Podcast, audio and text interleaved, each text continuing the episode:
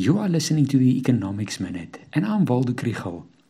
On Friday, the World Bank approved a $750 million, or approximately 11.4 billion rand loan for South Africa. The EFF is protesting, and a regular listener sent me some questions over the weekend. The first question is what will it be used for? Now, it forms part of 2020's 500 billion rand relief package, but it was never that much money. The loan in itself is not unusual.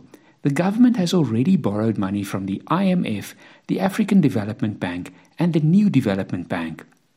The Treasury says this money will be used to fight the pandemic and support the recovery of the economy. The second question is Will it really help grow the economy?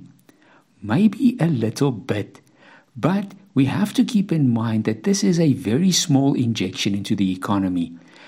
At the height of the pandemic, government borrowed 6 billion rands a week in the domestic capital market. Then 11 billion rands is not that much.